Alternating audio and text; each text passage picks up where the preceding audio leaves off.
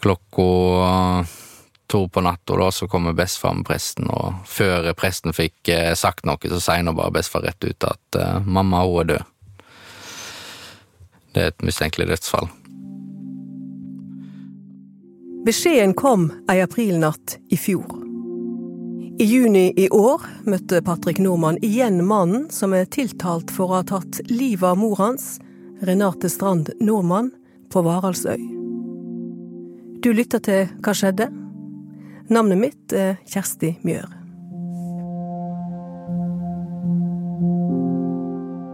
Hvordan husker du mor di? Nei, jeg eh, husker hun som ei eh, tullete dame. Alltid en eh, spøk på lur. Veldig blid og omsorgsfull. Men altså, så klart, hun hadde jo sitt å stri med.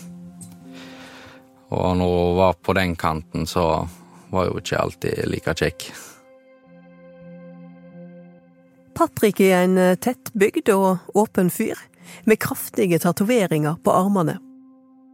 Mor hans vanka i rusmiljøet i oppveksten hans, og derfor bodde han for det meste hos bestemor og bestefar på Husnes i Kvinnherad. Jeg har på en måte måttet oppdage alt sjøl. Når jeg begynte i sjuende klassen, eller noe sånt, så hadde vi et foredrag om eh, eh folk som røykte hasj og sånne ting. Og så kom det en sånn bong opp på skjermen, og tenkte å, sånn har jeg sett før. Det, sånn har jo mamma. Å ha ei mor, eller en far, som er rusavhengig, kan sette dype spor. Og Patrick legger ikke skjul på at det til tider har vært tøft. 23-åringen har hatt en oppvekst som ikke likner mange andre sin. Ganske så hard. Det er en kar da som jobber med ungdommer, for han driver ungdomsklubben på Husnes. Og jeg endte opp på et eh, nachspiel med han. Helt ut av blå sier han jeg har ikke møtt noen som har hatt så mye oppigjennom som du har hatt, og allikevel så kommer du deg så bra ut av alt.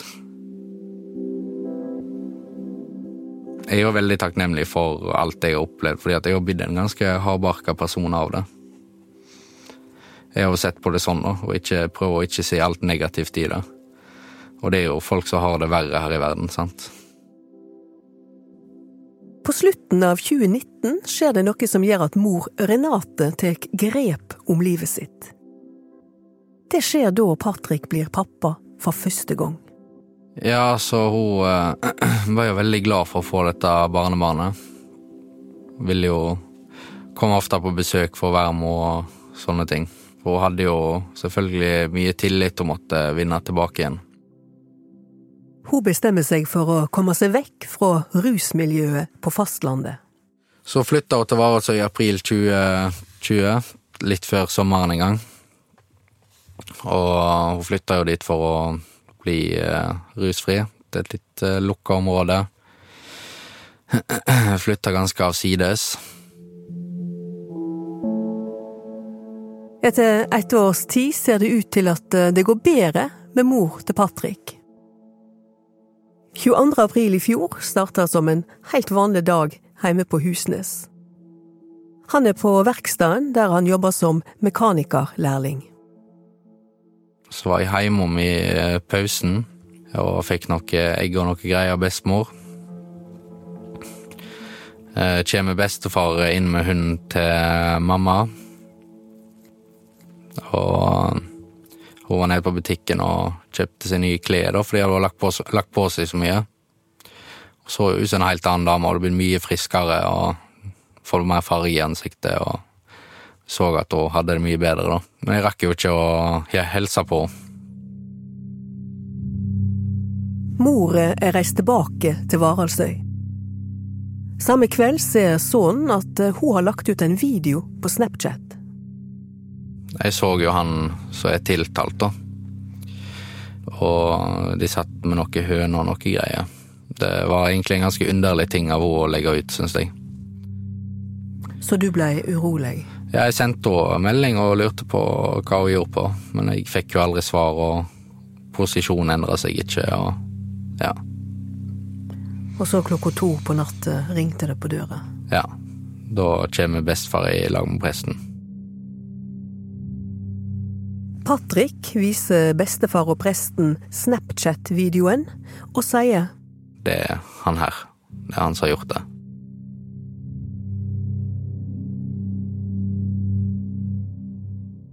I går kveld kom meldinga om at ei kvinne var funnet livløs. En mann i 40-åra ble kort tid etter gripen og sikta for det politiet mener er en forsettlig handling. Dagen etter at eh, mor er funnet død, snakker Patrick med bistandsadvokaten sin. Han sier navnet på mannen på Snapchat-videoen, og spør om det er samme mann som er sikta. Og så sier han det at eh, ja, det stemmer. Det er han. Patrick har møtt mannen på videoen en gang før, i en julemiddag hos mor på Varaldsøy. Mannen bodde ikke langt fra henne, og de to hadde ei form for vennskap. Men Patrick likte han ikke, og julestemninga blei ødelagt. Før Patrick tok neste ferje hjem, fikk han mor på tomannshånd. Og jeg sa til henne at uh, han her burde kutte kontakten med. Så sånn var det. skjedd her. Varasøy er ei lita øy med få innbyggere, kun 204 eh, stykker som bor her fast. Og eh, Vi snakka med ordføreren tidligere i dag, og han sier at eh, dette her er et eh, lokalsamfunn som er veldig prega eh, av det som har skjedd. Hvordan eh, hadde du det den nærmeste tida etter at du fikk den beskjeden? Nei, det var jo en ganske tung beskjed å få, fordi at uh, det ligger jo veldig mye i det at hun tror var jo blitt mye bedre, sant. Hun viste det at hun ville bli bedre, og Ja. Jeg syns jo bare det er synd at noe sånt skal skje når uh, hun prøver liksom å komme tilbake igjen og bli skikkelig og Så jeg har jo ikke jeg noe far som jeg kjenner til. Så jeg ble jo på en måte foreldreløs, da.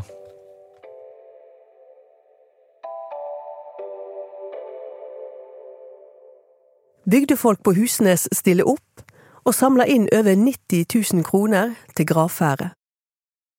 Renate Strand Nordmann blei 42 år. 8. juni året etter starta rettssaka i Haugalandet og Sunnhordland tingrett. Påtalemakta mener at mannen fra Snapchat-videoen på brutalt vis har slått i hjel Renate med en trestokk. Han eh, erkjenner straffskyld for grov kroppsskade, men eh, nekter for drap.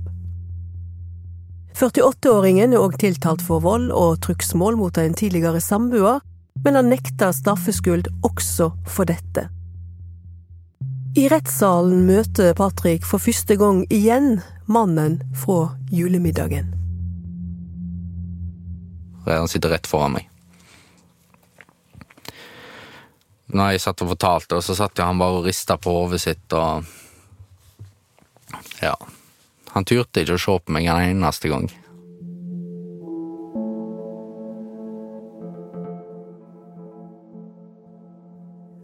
Aktor ber om at den drapstiltalte blir dømt til 16 års forvaring og ei minstetid på ti og et halvt år.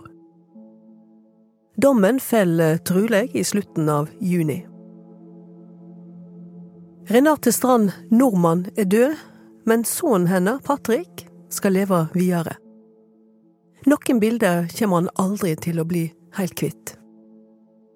Altså, etter vi så disse her obduksjonsbildene Det var ganske grafiske bilder. Det så mye verre ut enn hva hva vi forventa.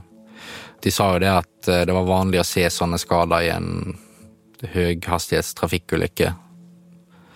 Og det var sjelden de så sånne skader i, et, i en drapssak.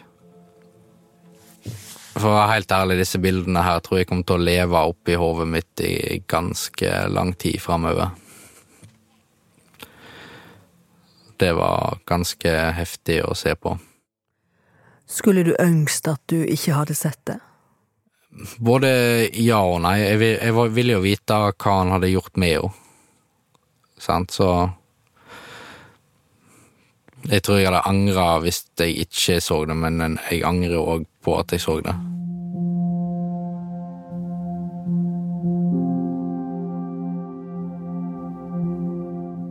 Du er 23 år. Ja. Du har vært mekanikerlærling innen anleggsmaskin. Ja. Og nå er du på vei til å flytte til Bergen, der du har fått deg jobb eh, på en verksted. Ja. Det er jo en ny start for deg, dette. ja, det er det. Blanke ark. Det trenger du nå. Ja, det gjør jeg. I dag har du din egen familie. Ja. Du har en samboer, og du har eh, to barn. Ja. Hvor viktig er det for deg å være en familiemann?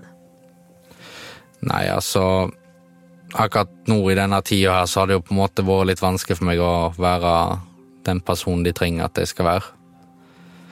Men jeg håper jo at det skal bli bedre. Og jeg vil jo gi ungene mine det jeg ikke hadde, sant. Særlig to personer har vært viktige for Patrick. Bestemor di er kjempeflotte mennesker. Altså De var nett ferdig med unger, og alle var blitt voksne, sant, og så kommer jo jeg som en sånn her et, eh, etterpåklatt og Mor hans fikk aldri vite at eh, hun skulle bli bestemor igjen. På den ene armen har Patrick eh, tatovert ei svær klokke med dødstidspunktet til mor.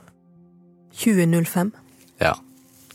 Det var det som var eh, tidspunktet vi fikk oppgitt eh, den gangen. Så det er en måte å minnes mor di på, Ja, og det ville hun ha likt. jeg tror det.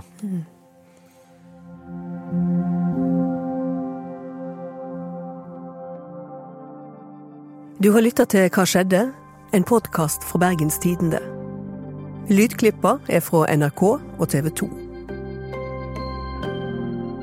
Episoden er laga av Anne Offstad, Henrik Svanevik og Kjersti Mjør.